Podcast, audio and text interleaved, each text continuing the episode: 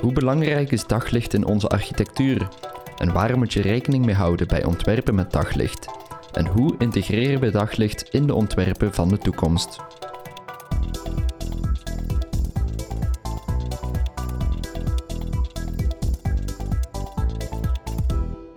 Dit is een podcast van contentbureau Palendroom in samenwerking met Velux Commercial. Joël Cels en Joost de Klerk zijn te gast in deze podcast. Mijn naam is Stef Pennemans, ik ben de producent en u hoort Tim Janssens als host. Welkom bij de podcast De 5 Tips voor Ontwerpen met Daglicht. Ik ben Tim Janssens, de host vandaag. En bij mij zitten twee specialisten in zaken ontwerpen met aandacht voor natuurlijke verlichting. Joël Cels van Velux Commercial en Joost de Klerk van Archipelago. Joël, Joost, eh, stel jullie uh, om te beginnen misschien kort even voor en vertel waarom jullie te gast zijn in uh, deze podcast. Goedendag, mijn naam is Joël Cels. ik werk voor Velux Commercial. Daar ben ik senior design engineer voor de Benelux. Um, zes jaar geleden ben ik hier begonnen bij Velux Commercial, die een specifieke afdeling is bij Velux, waar men zich vooral concentreert op projecten, commerciële gebouwen, scholen. Dus grotere projecten waar dat uh, nieuwe producten, niet de typische Velux-ramen die men kent van in, in een hellend dak, maar meer uh, grotere modulaire systemen moest helpen implementeren. En we zagen dat architecten redelijk nog in het donker, in het duister tasten uh, en redelijk wat vragen hadden. Naast het product was het even belangrijk om ook antwoorden te geven op vragen van waar, hoeveel en hoe bescherm ik tegen uh, oververhieting. Dus er waren verschillende vragen die opgelost moesten worden. En uh, wij hadden de, de Velux, sorry, Daylight Visualizer ontwikkeld. Die werd door Velux al een tijdje uh, ter beschikking gesteld, maar niet per se gebruikt door onszelf. En uh, Commercial heeft toen gedacht, ja, eigenlijk, we hebben een tool waarmee dat we daglicht kunnen kwantificeren.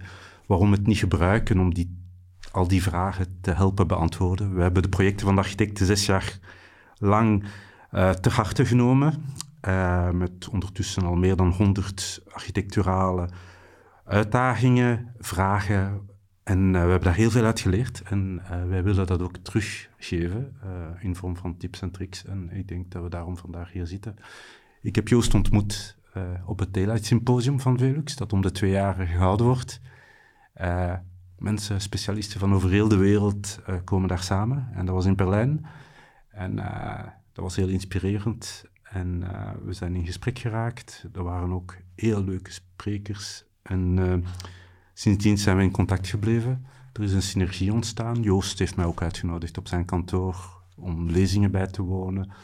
Ik heb uh, proberen uh, concepten met hem te bespreken en uh, we zijn zo, zo heb ik ook kunnen bij hen die concepten kunnen tonen en zo zijn we in contact gebleven vandaag. Dus een toffe synergie. Dank u wel, Joël, uh, voor deze introductie. Zo is direct duidelijk inderdaad waarom ik hier ook, uh, ook zit. Uh, effectief, Joost de Klerk van Archipelago Architecten. In tegenstelling tot misschien Felix moet ik ons iets meer voorstellen, misschien minder gekend bij de mensen. wij zijn een architectenkantoor gevestigd in Leuven en Brussel met een 130-tal medewerkers, waar dan we eigenlijk actief zijn over een heel ruim scala aan projecten. En wij hebben uh, een interne onderzoekscel uh, een zevental jaar geleden opgericht, waarvan ik mee aan de wieg stond. Waar dan onder andere inzetten op verschillende aspecten van duurzaam bouwen. En daglicht is daar toch wel een, uh, een zeer belangrijk onderdeel in. Ook wel een beetje mijn, mijn persoonlijke.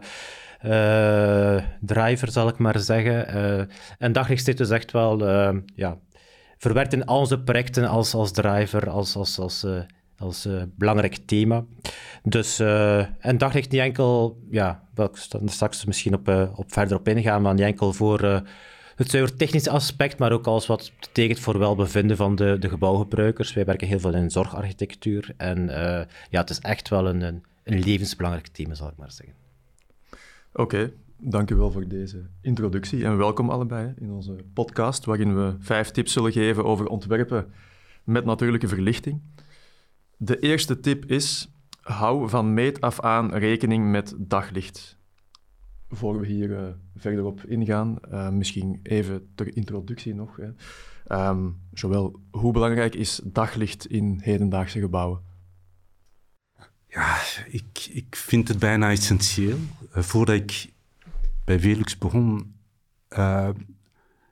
besefte ik niet wat dat het verschil kon maken eigenlijk tijdens een ontwerp. Ik, ik heb twaalf jaar lang daarvan ook op een heel groot architectenbureau gewerkt, waar dat men daar niet mee bezig was en zelfs niet wist wat een, een daglichtfactor was en zo. En, en sinds dat ik er nu mee bezig ben, uh, besef ik des te meer dat...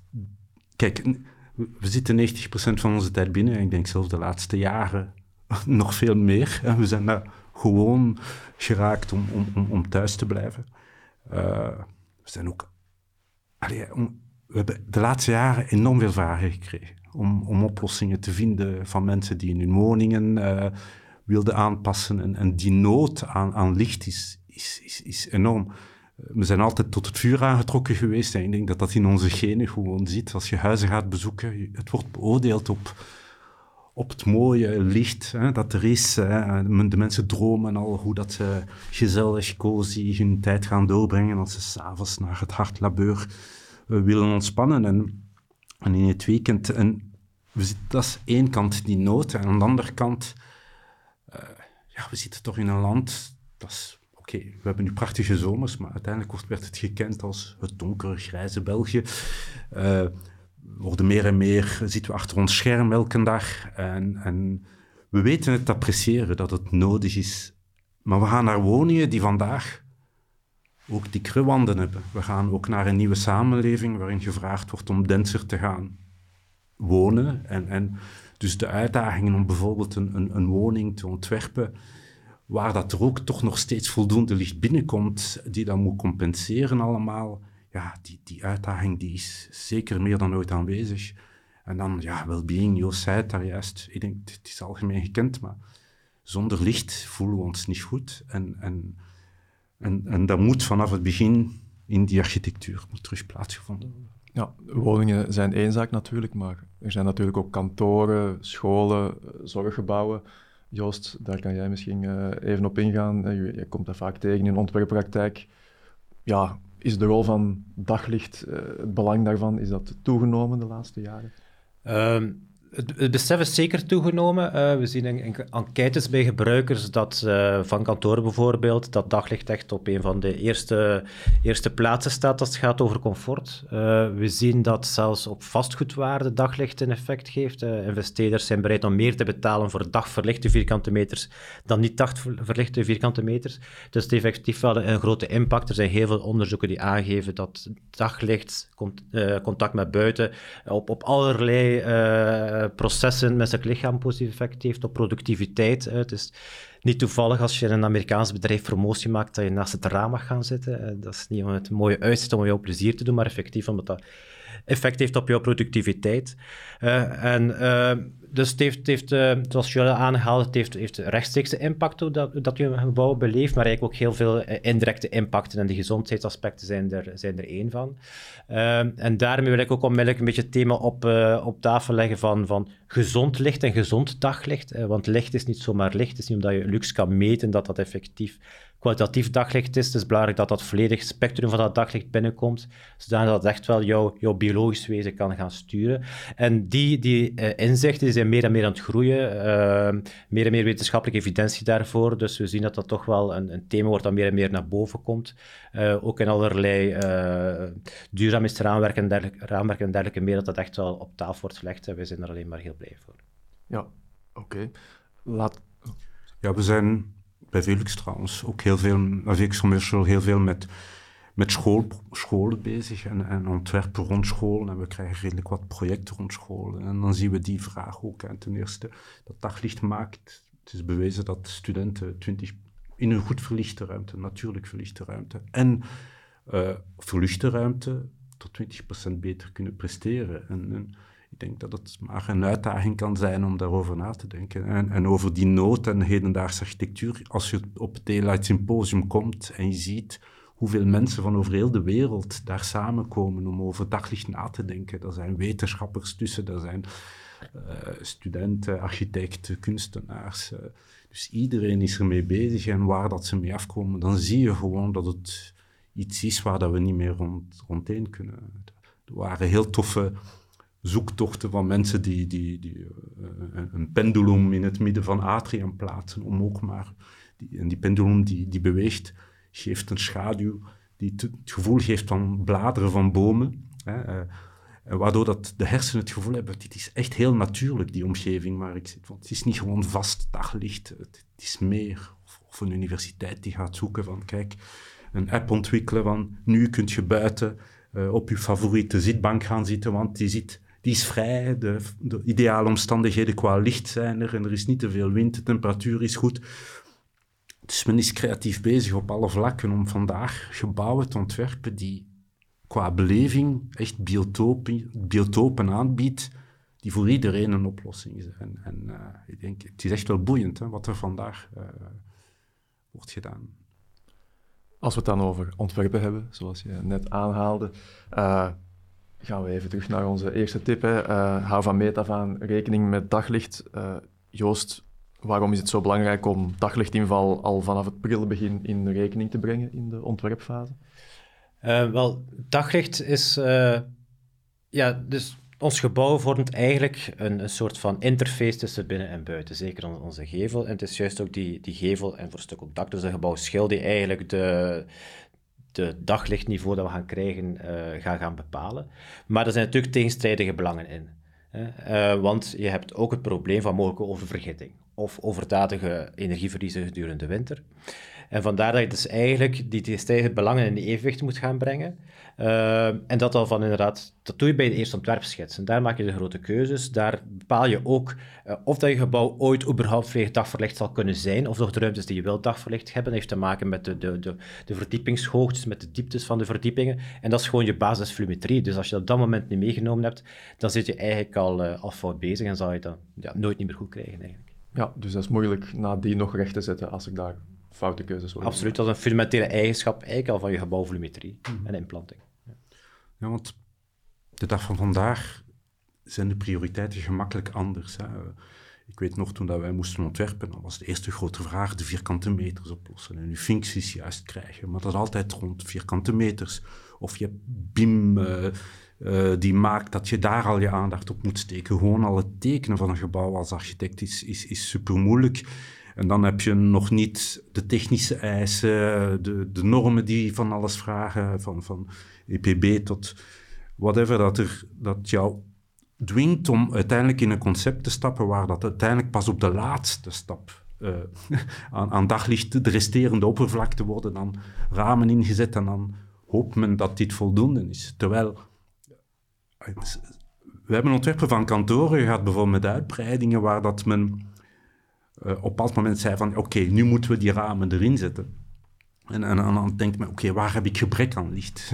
dat, uh, we zitten wel goed georiënteerd. Ik denk, de dag van vandaag, gemakkelijkheidshalve, hebben we dat al. Hè? Oriëntatie en dan hopen we zoveel mogelijk ramen te kunnen steken. En al de rest, dat, dat, dat, dat is al een stuk moeilijker. Maar uh, we hebben toen dat we konden meehelpen in die processen van ondersteuning en we konden zeggen van, ja, maar stel nu dat je al die, die, die openingen samenzet en je creëert een binnenwaze en je, je hanteert het op een andere manier, dan kwamen we op totaal verschillende ontwerpen met totaal verschillende belevingen. En, we proberen dat ook te tonen aan de hand, ja, de cijfers dat is één ding, dat is niet alles, uh, maar je moet het dan ook visueel, uh, er is een esthetiek achter. En als je dat dan ziet in het begin welke richtingen dat, dat kan geven, gewoon door, door anders over te denken of al, er al sowieso aan te denken vanaf het begin, dan kom je tot heel verschillende gebouwen. En ja, je kunt dat niet aan het einde doen, want dan, dan, dan heeft het echt niet de waarde die het verdient eigenlijk. Ja, ja je zei al dat het soms een kwestie is van hopen dat het wel goed komt. Heb je soms het gevoel dat daglicht een beetje stiefmoederlijk behandeld wordt, nog altijd? ja, men heeft, denk ik, of heel vaak, en, dat is het moeilijke, we gaan het er straks waarschijnlijk ook over hebben, maar als je, die, als je niet elke dag met daglicht bezig bent, dan denk je, daglicht is eigenlijk iets dat zo intuïtief is, dat men denkt dat je dat met buikgevoel zal dat wel goed zitten. En, en, En, daardoor neemt men misschien compleet verkeerde, of, of, vergeet men eraan te denken. Het is zo evident dat men het dreigt eigenlijk te, te vergeten in het concept. Alhoewel dat iedereen het superbelangrijk vindt, hè, maar iedereen heeft er ook vertrouwen in dat dat daglicht er wel zal zijn, ergens in het concept nadien. Maar onder welke vorm, of het schadelijk is of niet, zoals je al zei, oververblinding, allez, verblinding, oververgitting, dat zijn zo belangrijke aspecten vandaag. Of dat nu een school, een sporthal is. Trouwens, elk gebouw heeft zijn daglichtverhalen. Neem een musea, die, die, die, die willen diffuus licht. Neem een, een sporthal, dan wil je geen, ver, ver, ver, uh, wil geen verblinding. Een zwembad, ja, epilepsieaanvallen van mensen voorkomen door die sterretjes op het water niet te hebben. Dat vraagt allemaal aandacht en kennis. En dat is niet zo evident. En één keer dat je erin duikt, dan besef je hoe belangrijk dat het gevolg kan zijn. En, en daardoor, ja, ik denk gewoon door tijd, ik denk dat het ook niet de fout is, maar ik denk dat architecten gewoon de dag van vandaag, ja, niet die kans hebben of niet meer de mogelijkheden of de tijd hebben om daar uh, echt uh, direct of, of ja, vanaf het begin mee aan de slag te kunnen. Joël zei al iets over oriëntatie, hè, dat dat een belangrijk aspect is voor, voor uh, natuurlijke lichtinval. Zijn er zo nog andere aspecten die toch wel echt cruciaal zijn in het ontwerpproces?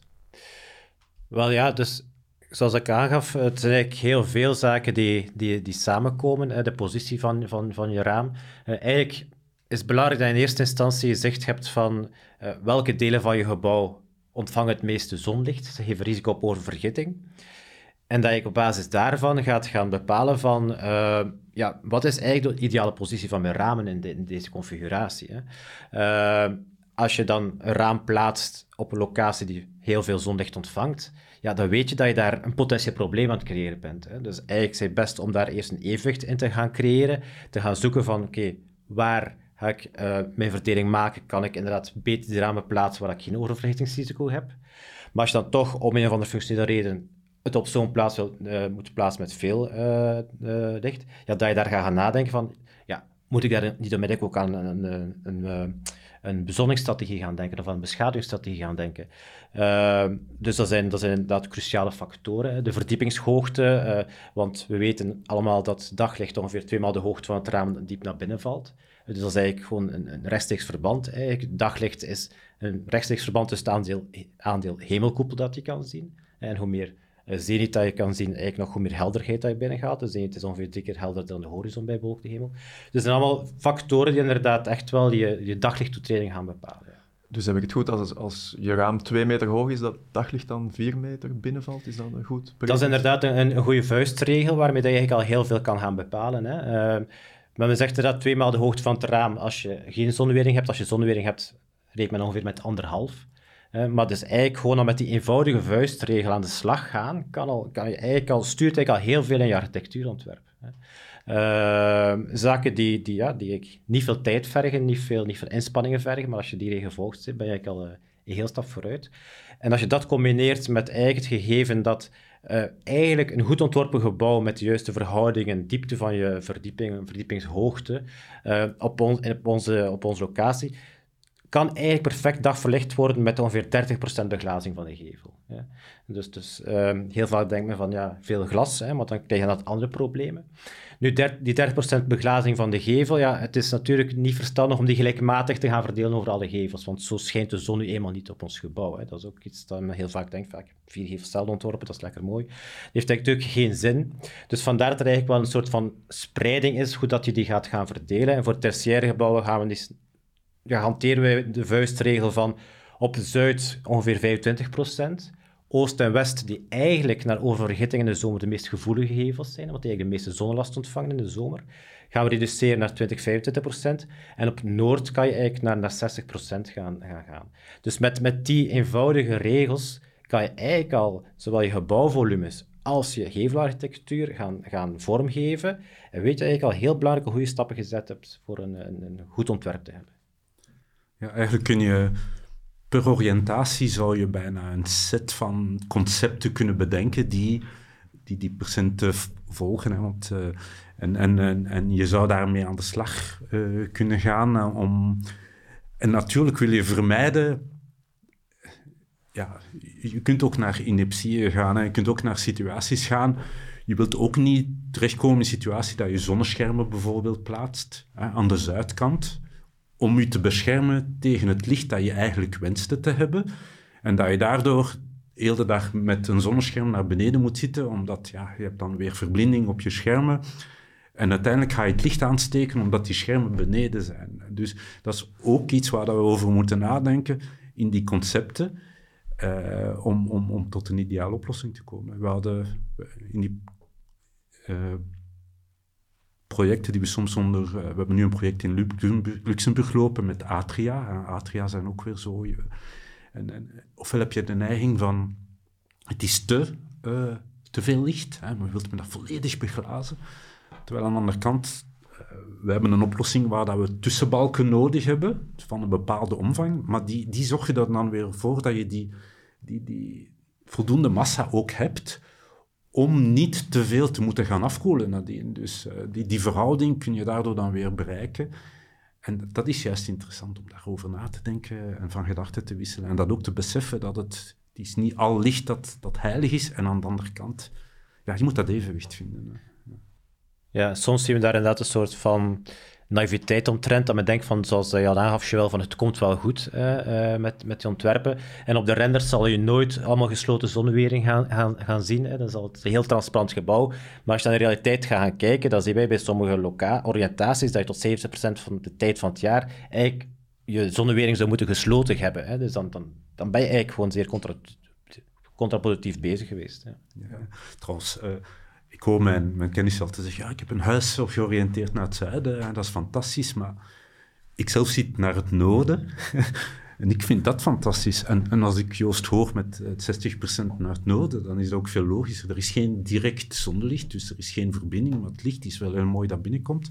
En dan moet je, kun je veel goedkoper glas steken. Dus eigenlijk zou je kunnen stellen van, ontwerp meer naar het noorden gericht, misschien steek er triple glas is, drievoudige beglazing in, die, die meer thermisch beschermt, maar qua licht moet je geen buitenschermen voorzien en dan hoef je ook jezelf daar niet tegen te, te, beschermen. Dus dat zijn... Ja. Het interessante van deze benadering is ook, hè, van men, zegt heel vaak van ja, duurzaam bouwen, dat is duurder bouwen. Maar ik denk dat we nu nog niks gezegd hebben wat dat eigenlijk gebouw duurder maakt. Het zijn gewoon, gewoon strategieën die je op voorhand moet gaan meenemen en die gewoon ervoor zorgen dat je een, een, een evenwichtig ontworpen gebouw hebt.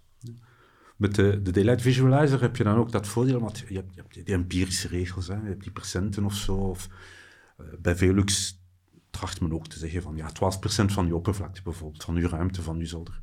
Maar dat zegt nog niks van ja, maar als ik mijn raam hoger zet of lager zet, of ik zet er twee naast elkaar, hoe dicht zet ik ze bij elkaar?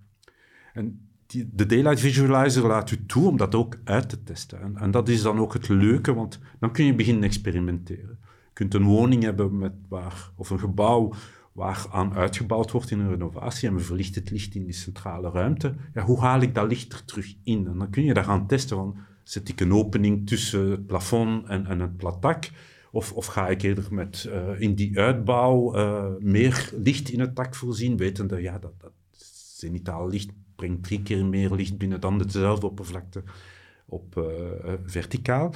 Maar als dat zo is, wat, is het beste? En tot waar kom je dan en hoe ver kun je gaan? Heel vaak zet men een extensie, maar ja, blijft men daarbij? Maar dat hoeft niet. Men kan spelen met het plafond, men kan spelen met de helling van het plafond, men kan nog toegang hebben via licht vanuit de traphal. Dat is voor een woning. Maar dat kunnen we ook doen voor een, een, een sporthal of een museum. Of, en, als men weet dat een, een bijvoorbeeld gemaakt is om het licht vanuit het noorden binnen te laten, en, en je kunt dat sheddak kunt dat uitproberen. Je kunt dan direct zien hoeveel licht gaat dat dan zijn, want het zal wel minder licht zijn. Maar een sheddak hoeft ook niet per se die typische vorm te hebben die we vandaag kennen. Misschien kunnen we die herontwerpen naar een nieuwe vorm. Misschien kunnen we het licht van de zuidkant toch uh, laten diffuus herverdelen, zodat het ook via de noordkant binnenkomt. Dus men kan heel veel dingen doen en iedere keer terug in die daylight visualizer binnenhalen en kijken wat is het effect en, en dan wordt het interessant. Vanaf dat je het kan kwantificeren, kun je tot nieuwe concepten gaan en dingen gaan onderzoeken. En dat is de aanzet ook uh, om, om, straks eigenlijk inspirerende nieuwe architectuur te maken. Ja. Oké, daar eh, komen we later nog op terug, hè, op die inspirerende nieuwe architectuur. Eerst over naar tip 2, uh, durf creatief en innovatief ontwerpen. Um, ja, Joël, Joost, we hebben het er al een beetje over gehad natuurlijk, maar wordt er deze dagen eigenlijk voldoende creatief en innovatief omgesprongen met daglicht, of regeert toch nog wel een beetje het eh, conservatisme in jullie ogen? Um, ja, denk, zoals Joël heeft aangegeven, wordt het toch nog heel vaak stiefmoederlijk behandeld, uh, terwijl er inderdaad heel veel, heel interessante uh, benaderingen zijn. Dus ik heb al aangegeven dat je eigenlijk gewoon daglicht kan meegeven als basis van hoe je volumetrie, oriëntatie, je gevelcompositie gaat gaan maken. Uh, maar waar we bijvoorbeeld tegenwoordig heel vaak op werken, zijn bijvoorbeeld op uh, self-shading façades, hè, waar dat eigenlijk door de, de, de, geometrie van je gevel zelf, de tekto, tectoniek, de, de, de geveldikte, dat je eigenlijk kan gaan zorgen dat je zeer mooie daglichttoetreding hebt, maar dat je eigenlijk toch ook die dat de gevel zichzelf gaat gaan beschaduwen en, en daardoor gaat gaan... Uh, ja, heb je eigenlijk bijna geen nood aan, aan zonwering. En dat krijg je onmiddellijk ook dus je gevelexpressie mee. Uh, met die, met die, en krijg je, klant krijgt eigenlijk ook een gevel met, met minder onderhoud, hè, omdat er minder uh, screens op zitten. Dus eigenlijk kan op die manier daglicht, beheersing van, van zon, eigenlijk je volledige architectuur gaan, uh, mee gaan helpen vormgeven. Het is niet dat het een, een dictaat moet worden. Ik geef altijd aan van, kijk, we creëren op die manier de ingrediënten en eigenlijk de, de ontwerper, de, de de architect, die maakt daarmee de soep. Hè. Dus die, die, die ruimte is er zeker en zeker heel veel ruimte voor, voor creativiteit. Ja. Ja, dus dat heeft bij jullie ook al tot heel creatieve dingen geleid dan, die, die aandacht voor daglicht dat heeft zeker al inderdaad tot... tot uh, eigenlijk is bijna een, een, lijn in al onze bouwprojecten dat dat een van de, de, driver, de drivers is in de, architectuurontwerp. Ja. Want eigenlijk, die opening en dat licht binnenlaten, dat weet je wel, maar als je er, als je er creatief... Allee, als, je, als je een oplossing wilt zoeken en je weet... Ik zeg maar iets, je wilt een auditorium of een aula ontwerpen en je wilt daar natuurlijk licht in inbrengen. En, en, als je kijkt, de meeste van die soorten gebouwen hebben normaal zelfs geen buitenverlichting. Uh, die zijn donkere ruimtes. Stel dat je jezelf opzegt van, kijk, ik wil dat bereiken. Ik, ik, wil erin slagen dat die student voldoende licht heeft, dat hij ook de dag kan zien voor, voorbij gaan. Ik wil dat die leerkracht of die, die professor die van voor is, dat die ook de dag kan zien voorbij gaan, maar die wil ook niet verblind worden terwijl dat hij lesgeeft. Dus, uh, en ik wil ook een contrastrijk scherm hebben. En als je dat weet, en, en als je dan een oplossing moet zoeken, bijvoorbeeld voor een dak, dan dan, en als je die kennis hebt van daglicht, en bijvoorbeeld een van die kennis dat, dat het licht in België stijgt niet boven 62 graden. Elk land heeft zo zijn graden, maar als je dat weet, dan kun je al met deze eenvoudige regel kun je al op zoek gaan. En dan kom je bijvoorbeeld bij de chat uit, maar zoals ik dat juist zei, dan kun je ook varianten op die chat zoeken. En uiteindelijk een chat die houdt gewoon dat licht tot 62 graden tegen en, en, en het andere licht laat die binnen. Maar dat hoeft niet per se met zo'n vorm. Je kunt nieuwe vormen zoeken. Je kunt zo eigenlijk tot nieuwe daken vormen uitkomen. En dan wordt het boeiend. Dan kan een architect eigenlijk een eigen handtekening maken of, of een eigen architectuur. En de bedoeling is altijd om eigenlijk low-tech. Je, wilt dat, je kunt wel gaan tot, tot heel ingewikkelde systemen met bewegende lamellen en zo. Maar als je erin slaagt om dat nog op met... Wij als producent wij kunnen een product aanbieden die voldoet aan alles. De dag van vandaag hebben we meer dan voldoende flexibele modulaire systemen. Maar maar je envelop heb je nodig, je schil. En die moet slim zijn. En als die goed bedacht is, dan is die ook naar de buitenwereld toe. Ja, dat is uw handtekeningen. En we hebben echt wel toffe oplossingen gezien die, die, die, die heel inspirerend kunnen zijn. En, en, dat is wel een drijfveer als je, om, om, om nieuwe dingen te maken. Dus de boodschap is daar, ja, durf verder gaan dan de dingen die in het verleden zijn toegepast, durf out of the box denken. Ja, waarom nog een dag van 45 graden ontwikkelen als je weet dat, dat die 62 graden u geen problemen gaat geven, terwijl die 45 graden toch nog direct licht gaat binnenlaten. Dus misschien moeten we durven helemaal nieuw of anders te denken en, en en voor platte daken, ja, er zullen ook wel oplossingen zijn om, om, om, om, om u daartegen te beschermen. En, en we komen er wel als we, dat geoef, als we daar geoefend in geraken om dat te doen. Maar ook uw indeling van uw ruimte binnenin en de flexibiliteit van die ruimte en de nieuwe woningen of gebouwen die we maken. Een kantoor hoeft echt niet meer een kantoor te zijn met daar zijn bureaus en, daar is de, de eetruimte. Misschien wordt het een ja, als, je, als, als je zag wat dat zijn, dat van die bank, in die, in die, die ideale omstandigheden, buiten die, die app die u, u vraagt, nu kunt je buiten gaan studeren. Waarom kan dat niet in een gebouw? En heb je daar verschillende werkbiotopen. En, en naar gelang het licht van de dag is het atmosfeer daar verschillend. Misschien is er een verschillende soort van ventilatie aanwezig. En word je uitgenodigd van, kijk, beweeg u, verplaats u binnen het gebouw, ga daar nu werken.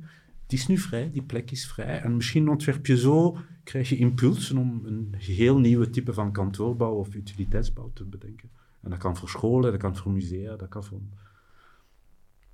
Oké. Ehm, jullie hebben beiden al een paar vuistregels opgenoemd. En dat brengt ons naadloos bij tip 3 van de dag. Ken het ABC van daglicht. Dus, zoals jij net al zei, uh, de daken van 45 graden, waarom nog? Zoals jij al zei, Joost, uh, de diepte van daglicht in verhouding tot de hoogte van de ramen. Dat zijn dus vuistregels, basisprincipes. Zijn die al genoeg gekend volgens jullie? Uh, nee, we stellen vast dat eigenlijk ja, daglicht is geen item momenteel nog in architectuuronderwijs. Ik moet met twee woorden spreken. We zien dat toch wel uh, verbeteren, zal ik maar zeggen. Een aantal instituten beginnen daar toch wel al wat aandacht aan te geven. Maar toch is dat eigenlijk ja, een, een basiskennis met de architectenopleiding zou moeten van het eerste jaar meegegeven worden. Uh, want je ziet gewoon dat, dat, ja, dat kan met, met, die, met die heel eenvoudige regels, dat je gewoon al heel, heel goede stappen kan gaan zetten.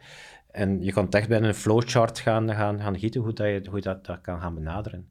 Dus uh, daar is uh, zeker nog een inhaalbeweging nodig. Het is verbazend eigenlijk om, zelfs als je op YouTube zou zoeken bijvoorbeeld, of ergens op internet zoekt naar hè, die basisregels, ik, ik vind die niet. Ik, ik heb die niet per se gevonden. En uh, dan, dan, dan denk je, dat er iets er moet nog iets opgestart worden. we zijn zelfzoekende, hè? dus daarom dat we die projecten te harte nemen. We leren er veel uit. Uh, en uh, die synergie met, met de architecten is daarvoor nodig. Hè? We moeten begrijpen, ah, dit project heeft deze challenge, dus uh, hoe kunnen we dit oplossen en hoe kunnen we nog meer licht binnenkrijgen? En die uitdagingen moeten we ook krijgen. Maar het is verbazend. Ja, de, ik word momenteel ook gevraagd om op scholen eh, die tips die, die we ontwikkelen, die we hebben leren kennen, die, die mag ik daar gaan delen. Ik vind dat fantastisch. En ik zie dat er studenten absoluut positief reageren. En uh, ik denk dat ze er ook hongerig naar zijn. Uh, en het is denk ik aan ons om die te beginnen verzamelen. Ik denk dat ze nog niet te verspreid zijn misschien. Maar je ziet dat die kennisontwerpen met daglicht, die was er vroeger wel, hè, omdat men het gewoon moest zo gaan toepassen. Als we kijken naar de geschiedenis, is de periode geweest wat ja, mensen vooral buiten leefden en ze kwamen vooral ingebouwd om beschermd te zijn. Dus dat was toegang tot daglicht, dat was eerder een beperkte, eh, beperkt criterium. Maar op het moment dat, mensen toch meer zijn processen binnen gaan doen, hè, opstarten van, van de industrie, uh, ook, ook school, schoolgebouwen, ze kijken naar die schoolgebouwen van eind 19e eeuw, begin 20e eeuw, die zijn allemaal fantastisch ontworpen naar hoe daglicht daar binnenkomt, omdat ze inderdaad nog, nog niet veel toegang hadden tot kunstlicht om, om dat eh, te, te gaan doen. Dus ja, we kijken heel vaak vol ontzag naar die oude herenhuizen, mooie daglichtinval. We kijken vaak vol ontzag naar die, die, die oude schilderijen de renaissance van Vermeer, het magisch daglicht dat daar binnenkomt. Maar als je kijkt hoe dat die gevels opgebouwd zijn, ja, eigenlijk staat al heel veel kennis vanuit van hoe dat het daglicht interageert met de ruimte. Hè. Voor in de renaissance woningen had je typisch de drieledige gevel, hè, met uh, onderaan de plint, uh, tussenin had je een soort een, een, raam waarop dat men kon privacy en daglicht gaan regelen met luikjes of met, met brandglas. En had je het hoogstuk in de gevel dat eigenlijk daglicht ongehinderd laat binnenvallen. Hè, afhankelijk van het feit of men de luikjes dicht deed of niet. En dat zorgt voor de, voor de heel kwalitatief daglicht in ruimtes. Maar gewoon die, die simpele strategieën, die vind je nu nauwelijks nog terug in gebouwen. Hè? Die, die, die, die geleden aanpak. Uh, dus ja, daar is echt ook uit, uit de geschiedenis heel veel kennis te, te, recupereren. En zijn we dat dan ergens en cours de route verleerd op een of andere manier? Of, of hoe, ja?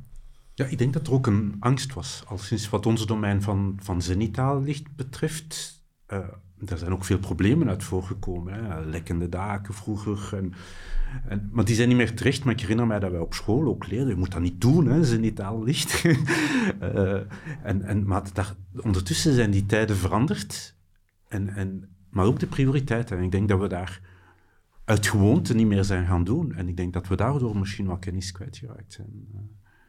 Ja, maar eigenlijk is, het, is een vrij lang verhaal. Hè. Ehm, de, de Grieken en Romeinen kennen al het belang van, van daglicht en van zonlicht ook naar, naar, naar geneeskunde toe. En dat is eigenlijk doorheen de tijd blijven bestaan. Ehm, en eind 20e eeuw, begin, uh, ja, eind 19e, begin 20e eeuw, heeft men daar zelfs wetenschappelijke onderbouwing voor gevonden. Men heeft het UVA en UVB-spectrum in, in daglicht kunnen identificeren. Men heeft daar de, de helende werking van gezien. Of, of de, en dat heeft eigenlijk zelfs geleid tot dat men, uh, ja, tot de therapieën rond daglicht, die we toen hebben gekend met de sanatoria, uh, waarvan we in België ook een paar mooie voorbeelden hebben. En dat zijn echt gebouwen die gemaakt zijn om, om de, de patiënten in contact te stellen met dat daglicht en dat zonlicht. Hè. Je ziet dat ook in die tekeningen, het sanatorium van uh, Aalto bijvoorbeeld. Is echt daglicht wordt echt de therapie voor de, voor de patiënten. maar we zien daar een kanteling rond de Tweede Wereldoorlog wanneer dat er penicilline is uh, ontwikkeld, antibioticum. Maar dat is ook dezelfde periode inderdaad dat, dat elektrificatie is doorgebroken. En waar dat eigenlijk, we zien dat, dat gebouwen, ja, dat meer en meer de technische installaties al dat soort van zaken overnamen. Hè. En dat men gebouwen eigenlijk helemaal anders is gaan bekijken en eigenlijk meer is gaan bekijken van ja, hoe kunnen we eigenlijk die technieken zo snel mogelijk bij, bij de bewoners brengen en is men eigenlijk dat contact met buiten is men dat gaan, gaan, gaan verwaarlozen. Ehm, en je ziet dat zelfs in hoe dat de architectuurtekeningen toe werden gemaakt. Als je kijkt naar een tekening van een ziekenhuis uit de jaren, jaren 60, hè, als je dat vergelijkt met een tekening van Alvar Aalto uit de jaren 20, bij Alvar Aalto schetst hij echt hoe dat het zonlicht tot bij de patiënt komt. Als je een tekening uit de jaren 60 gaat bekijken, dan zie je vooral hoe dat de patiënt ten opzichte van, van, van de gang is georiënteerd, waar de verpleging vandaan komt, en de medicatie vandaan komt. Ehm, dus ja, moment, we zijn ongeveer één, twee generaties zijn we eigenlijk een beetje ja, vervreemd van, van, van, van, van de natuur. En eigenlijk ja, betalen we ook wel voor een stuk die rekening, want heel wat problemen met hedendaagse gebouwen en daar wel bevinden van, van gebouwgebruikers zijn, zijn daar toch wel voor een groot stuk mee geleerd. Over uh, home gesproken, of, of rusthuizen. Eigenlijk, computers, je hebt informatica, kopiëren en dan gaan we alle verdiepingen kopiëren. Het is allemaal alles is een beetje pragmatischer geworden en handiger en ook naar functie misschien van de informatica. Zo, heb ik het ook ervaren als, als BIM-manager uh, al, al de 30 jaar dat ik daarmee bezig ben. En, en dan vergeet me bijvoorbeeld dat de laatste verdieping van, van een, een, een gebouw wel degelijk boven die centrale gang daglicht zou kunnen hebben. We zijn dat gewoon vergeten. En dan heb je nog de, de, de plaatselijke normen. Hè. Vlaanderen is anders dan Brussel, dan in Wallonië, waarin dat het daglicht heeft gepragmatiseerd tot iets te eenvoudig. Hè. Men is gaan zeggen, oké, je moet minimum, je oppervlakte van je raam moet minimum legaal dan, hè, verplicht, eh, 1 zesde of 1 achtste, afhankelijk van dat je in Brussel in Vlaanderen bent, van, van je, oppervlakte van je ruimte zijn. En dan werd het daglicht meer als een probleem gezien, dat moeten we halen. En, uh, maar dat was dan onafhankelijk van, is dat nu een, een lange ruimte en is dat raam aan de kop of aan de zijkant? Ja, het effect is anders en of er meubels in die ruimte zijn of niet. En, en ik denk dat we dat ook door zulke regels zijn kwijtgeraakt. Nu is er gelukkig de nieuwe Europese norm, de nieuwe Europese standaard, de, de e, EN 17037. En die probeert dat terug volwaardig uh, in eer te herstellen. Dus het is niet meer alleen voldoende licht. En, en dat, dat maakte niet uit of dat nu gewoon daglicht was of artificiële verlichting was. Maar het is ook het aantal zichten dat je hebt en, en de kwaliteit van die zichten. En dan moeten ook verschillende horizonten. Er zijn drie niveaus die je moet kunnen zien. Je moet er minstens twee van de drie zien. Uh, het is ook verblinding wordt ook geholpen. Dus architecten krijgen de dag van vandaag gelukkig nieuwe tools terug in hun handen. Samen met uh, ja, de programma's gaan ook volgen, hè, de software. De, de, de Velux uh, Daylight Visualizer is, is waarschijnlijk redelijk pionier in dat verhaal en, en, en al goed ingewerkt, maar er gaan zeker nog volgen. Maar nu wordt weer aandacht daaraan, besteed en, gelukkig. Maar ik denk dat we misschien een beetje de duistere baan opgegaan zijn de afgelopen jaren en het licht kwijtgeraakt zijn. Eh. Ja, dat is een mooie, mooie gezegde in, in deze context. Um, ik zou nog eens even terug willen naar het discours over de historische evolutie, want ik vond het eigenlijk wel interessant wat, wat je zei. Um, zou je eigenlijk kunnen zeggen dat de, de opkomst van artificieel licht ons een beetje ja, blind heeft gemaakt voor de, de waarde van natuurlijke lichtinval? Of is dat een beetje te kort door de bocht gesteld? Uh, Is wel, enfin, blind gemaakt, klinkt een beetje uh, maar nee, want het is, het vanuit een zeer economisch pragmatisch denken is het inderdaad gebeurd. Hè. Uh, een, een, gevel kost, kost uh, veel geld, hè. Een, een, een, raam kost geld. Ehm, en ja, als je vierkante meters wil gaan realiseren om te gaan verhuren of te gaan gebruiken, en je kan evengoed met kunstlicht, denkt men dan, dat gaan doen, dan is dat wel een reflex inderdaad die, ja, die gebeurt. Hè. Ehm, en het is maar beginnen keren, nu dat men inderdaad de laatste decennia begint in te zien, dat dat contact met daglicht ook een economische waarde heeft. dat die gezondheidskost daarvan enorm is, die kost van welbevinden, uitval van, van, van werknemers en dergelijke meer. Uh, ja, dat we, dan toch die reflex terug hebben, hebben gemaakt. Uh, men probeert wel voor een stuk daglicht te imiteren met, uh, met, met kunstlicht. Ehm, dat kan zinvol zijn uh, waar dat absoluut geen daglicht kan gekregen worden, maar uiteindelijk daglicht is wel een gratis bron. Uh, daglicht is eigenlijk ook wel een, uh, een zeer complexe bron van informatie voor ons lichaam. Hè. Dus, want dat zijn dan eigenlijk de wetenschappelijke vaststellingen van het begin van deze eeuw. daar heeft men eigenlijk een, een extra receptor in het menselijk oog ontdekt ehm, in de ganglioncellen, uh, die eigenlijk, uh, naast de kegeltjes en staafjes die we allemaal kennen in onze ogen, die eigenlijk reageert op een bepaalde golflengte van het uh, daglicht dat niet de, de golflengte is van het zichtbaar licht. Het zichtbaar licht zit ongeveer rond de 550 nanometer gecentreerd. Die cel gaat tussen de 4, 470 en 480 nanometer gaan, gaan capteren. Maar dat is eigenlijk een cel die al ontstaan is vanuit ons primair uh, ontstaan als, als microben, zou ik bijna maar zeggen. Enfin, dus ja, uh, in heel, de, heel, heel, onze evolutie. Maar die eigenlijk informatie stuurt naar ons lichaam, waardoor dat eigenlijk ons volledige hormonale cyclus over 24 uur wordt geregeld. Um, en dat is, eigenlijk een, ja, dat is eigenlijk een cruciale bron van informatie, maar dat is ook een heel complexe bron van informatie. Dus eigenlijk ons, ons biologisch wezen is daar, heel de evolutie heeft daar eigenlijk geleerd om er heel veel informatie uit te gaan halen. En die complexiteit die zit ja, vooral ook echt in natuurlijk daglicht. Hè. Um, en dat is ook een van de zaken die we um, nu ook meer en meer beginnen onderkennen, dat ja, daglicht is niet zomaar daglicht. Ik begin sprake over gezond daglicht. Hè. Dus we spreken ook over biologische duisternis. En biologische duisternis, dat kan bijvoorbeeld perfect zijn dat je denkt van, er is hier daglicht, maar als die, die spectra van het daglicht hier niet aanwezig zijn, ja, dan krijgt je oog die impuls niet.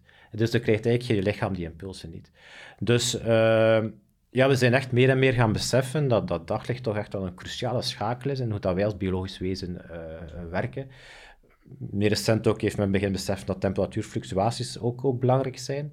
Uh, maar dus, ja, zelfs de keuze van het glastype. Hè. Vroeger was het inderdaad ook van, ja, oké, veel glas. Hè, dat ziet er ook weer, weer mooi uit op de tekeningen.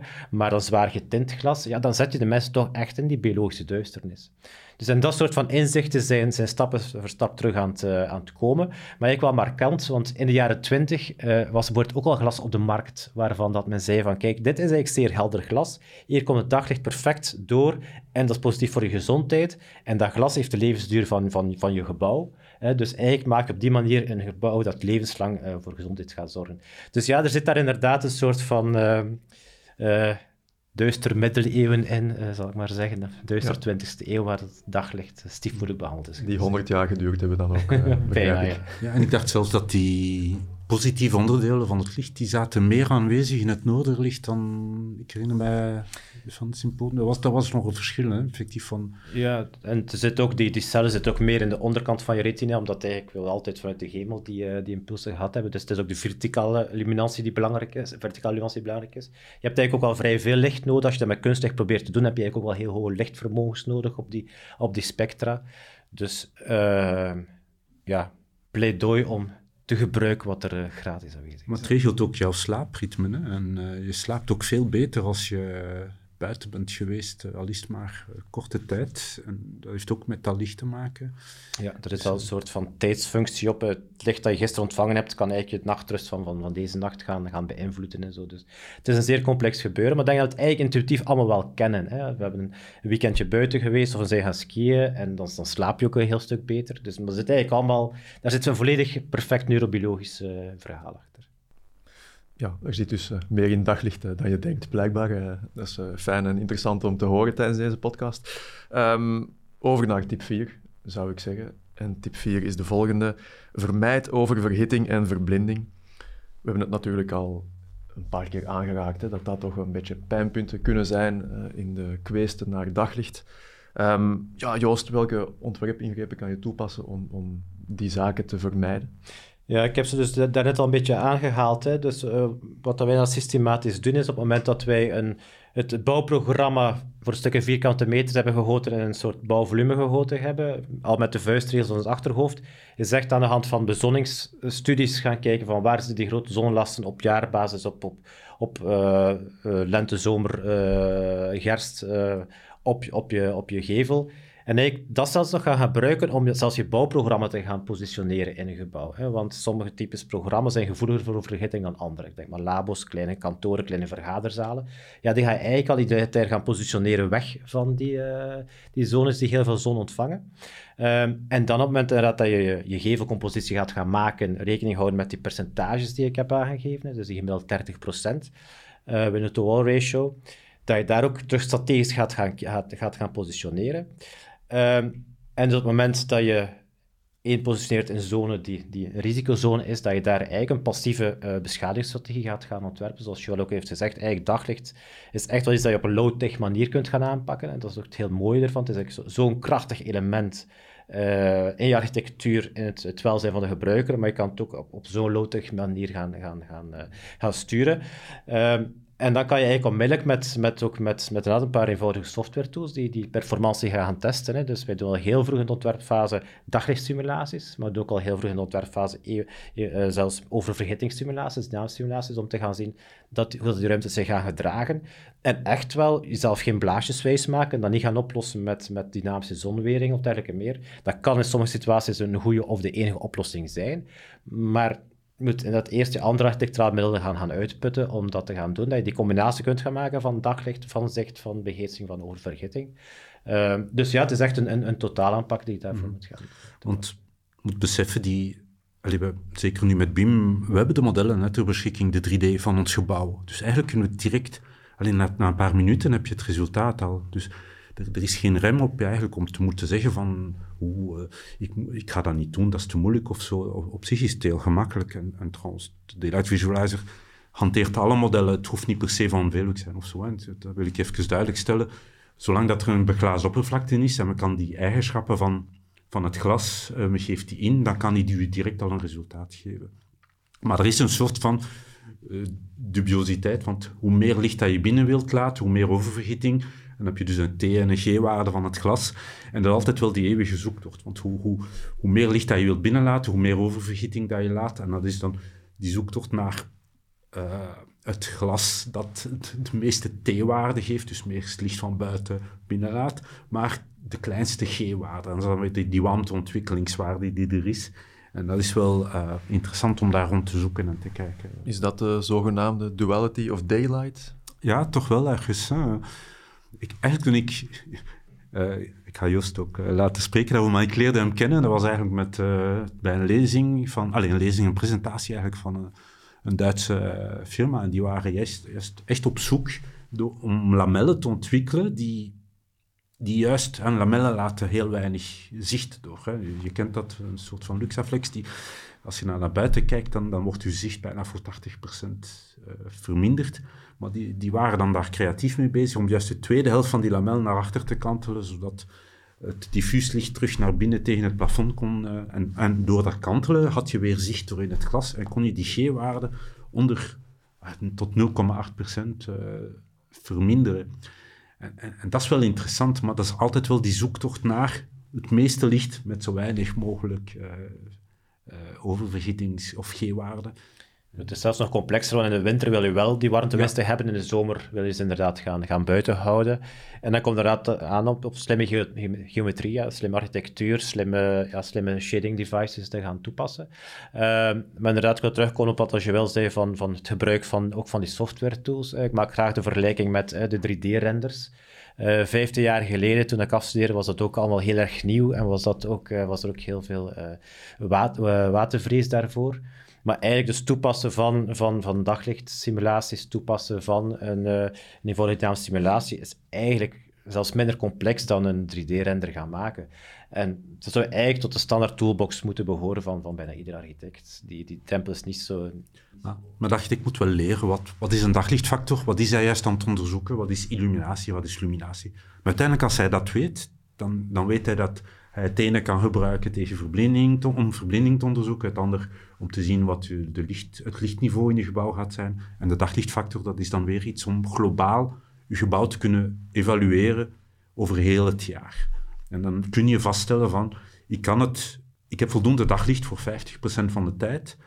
En uh, dan weet je, ja, 2% dat is juist voldoende verlicht, maar dan heb ik toch nog artificiële verlichting nodig. Heb ik 5%, dan is het nodig, dan, ben ik bijna onafhankelijk van artificiële verlichting.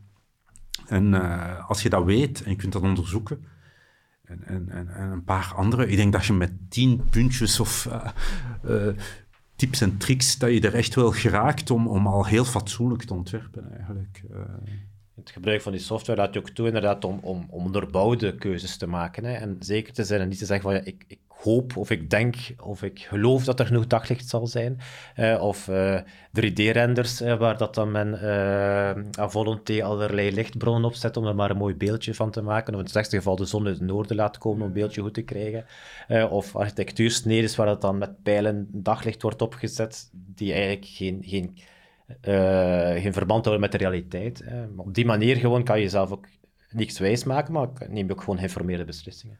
Want renders zijn meestal... Het is natuurlijk een verkoopsmiddel, maar heel geromantiseerd. Maar we hebben echt wel uh, renders gezien van, van, van gebouwen, ook met jetdaken, maar waarbij dat het licht duidelijk vanuit het noorden binnenschijnt.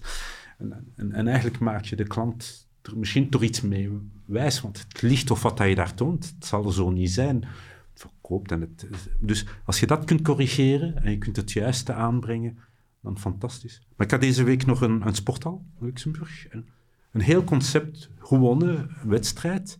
Maar de sporthal keek met zijn... Dus ze wouden shetdaken uh, erop zetten. Dus toch daglicht, fantastisch. Dan zijn we blij, want het, het heeft wel meerwaarde om te proberen om dat te ontwikkelen. Maar die sporthal keek naar het westen. en dan... Ja, dan voel je een beetje slecht bijna, want dan moet je gaan zeggen van, ja, dat heeft eigenlijk geen zin, want je moet, je gaat toch nog uh, drievoudige beglazing misschien moeten steken, of je gaat toch uh, zonnewerende beglazing moeten steken, sorry, om, om, omdat er toch direct licht op gaat zijn, je gaat toch meer airco moeten steken, en je gaat verblinding hebben. en dan, dan moet je, maar dan opnieuw, we hebben uh, tijdens onze project hebben daar ook oplossingen voor kunnen bedenken hoe moet die luifel er dan uitzien op zo'n dak? Hè? Om die shed te corrigeren dat hij toch naar het noorden kijkt. Want uiteindelijk, het is niet het glas. Het is niet omdat het glas naar het westen kijkt. Is uiteindelijk de opening die uw dak en uw schil maakt. Als die naar het noorden kijkt, dan heb je wel een oplossing. Het licht maakt het niet uit of het door een glas zal gaan of door die opening. Het wordt belemmerd door die opening. Dus je kunt dat wel corrigeren. En het is die kennis dat we wel terug, of dat we moeten beseffen. En dan komt men tot goede ontwerpen dat brengt ons naadloos bij de vijfde en laatste tip, denk ik. Hè. Dat is Joël. Vijfde en laatste tip is: werk samen met experts. Dus jullie hebben met jullie kennis uh, toch echt wel wat te bieden, denk ik, uh, aan ontwerpers ja, die op zoek zijn naar advies. Ja, ik, ik kon zonder de, de architecten kon ik één niet tot bepaalde conclusies komen, omdat zij, ze zijn uiteindelijk die ontdekkingsreiziger, die, die, die met ideeën afkomen en iets willen realiseren. En als ze durven naar ons te komen, en, en er, er, hoeft geen drempel te zijn, de service wordt trouwens ook gratis aangeboden, maar het is echt een samenwerking, want wij willen er ook uit leren. En wij kunnen dat teruggeven. We hebben van architecten bijvoorbeeld ook ingezien dat je door gewoon de buitenafwerking van de zuiderzijde van een shetak, die wel naar het zuiden kijkt, als je daarmee speelt en je maakt die in plaats van grijs in roofing en maakt die in PVC wit, en je zorgt ervoor dat dat mat is, dan kun je in je moet dat wel nakijken of je geen verblinding toch weer creëert, maar je kunt er ook weer 2 of 3 procent daglichtfactor meer weer binnenkrijgen. Dus, en dat is alleen maar door die confrontatie en constant pingpong en vragen te krijgen en te testen en te zoeken. Want je kunt er zitten en, en nou ja, dat ga ik onderzoeken. We hebben dat gedaan. We hebben zijn gaan kijken, bijvoorbeeld eenzelfde oppervlakte van een raam. Waar, waar, hoe geeft dat nu voor een, een, een schoolklas het, het, beste licht? Een raam tegen de grond, een raam hoger, een raam plat, een raam in een sheddak. Welke verschillende waarden krijg je in dat dak ook al? Dus dat kunnen we allemaal testen en dan kunnen we dat wel teruggeven. Maar ja, zonder de architecten, zonder die, die lezingen te zien, zonder de fabrikanten te zien die ook op zoek zijn. Dus heel die synergie, we moeten samenwerken. We hebben echt, wij van de architect, maar ik denk de architecten kunnen er echt aan voordeel aanhalen om met ons, of met iedereen, ik bedoel, die, die verder blijft zoeken. Is dat voor jullie ook zo, Joost? De ondersteuning van gespecialiseerde partijen, dat die echt wel jullie helpt om betere ontwerpen te maken? Maar ja, voor ons is het ook heel leuk om te kunnen sparren met gelijkgestemden, mensen die dezelfde taal spreken en op dezelfde manier naar, naar projecten kijken. En dan, dan leer je inderdaad automatisch van, van elkaar bij. Dus dat is, een zeer, uh, zeer fijne ervaring. Ja. Maar het is niet alleen, alleen... Eigenlijk een huis of een gebouw of een utiliteitsgebouw, een school, whatever het is niet één programma. En het is trouwens ook niet alleen daglicht. Hè. Het is ook artificieel licht. En het is dat evenwicht met akoestiek. Het is het evenwicht met de juiste gebouwschil. Dus je voelt al alleen maar... Dat zijn drie, vier partijen die eigenlijk zouden moeten leren samen te werken. Wij, ik ben de laatste om te zeggen dat, dat artificieel licht geen enkel verhaal in ons verhaal heeft van natuurlijke verlichting. Dat werkt samen. Er moeten oplossingen samen gezocht worden een, een, sporthal ontwerpen op daglicht alleen zou, zou nonsens zijn.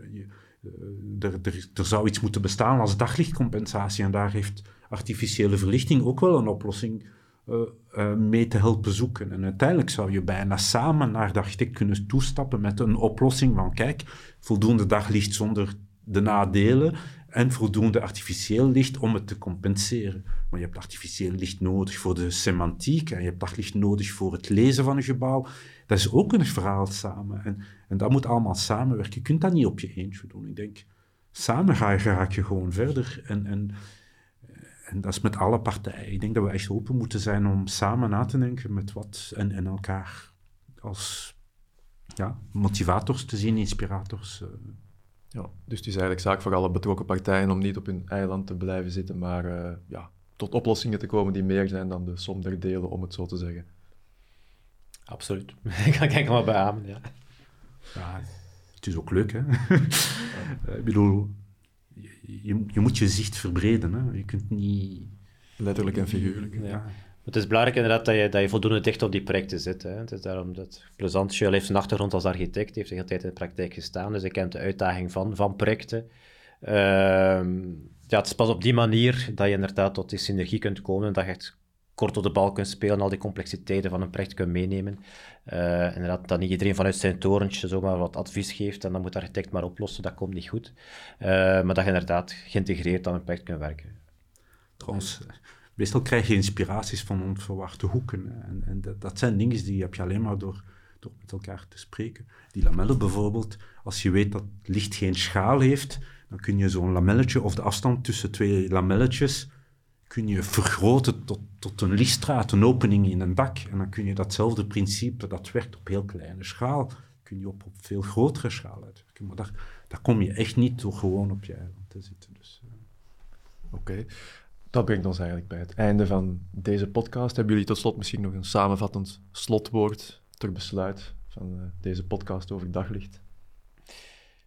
Ik zou zeggen, ja, omarm daglicht. Uh, neem alle complexiteiten ervan mee, maar heb er absoluut geen, uh, geen schrik van. En hoop niet dat het goed komt, maar ga ervoor, probeer het te begrijpen en kijk zeker naar voorbeelden uit het verleden.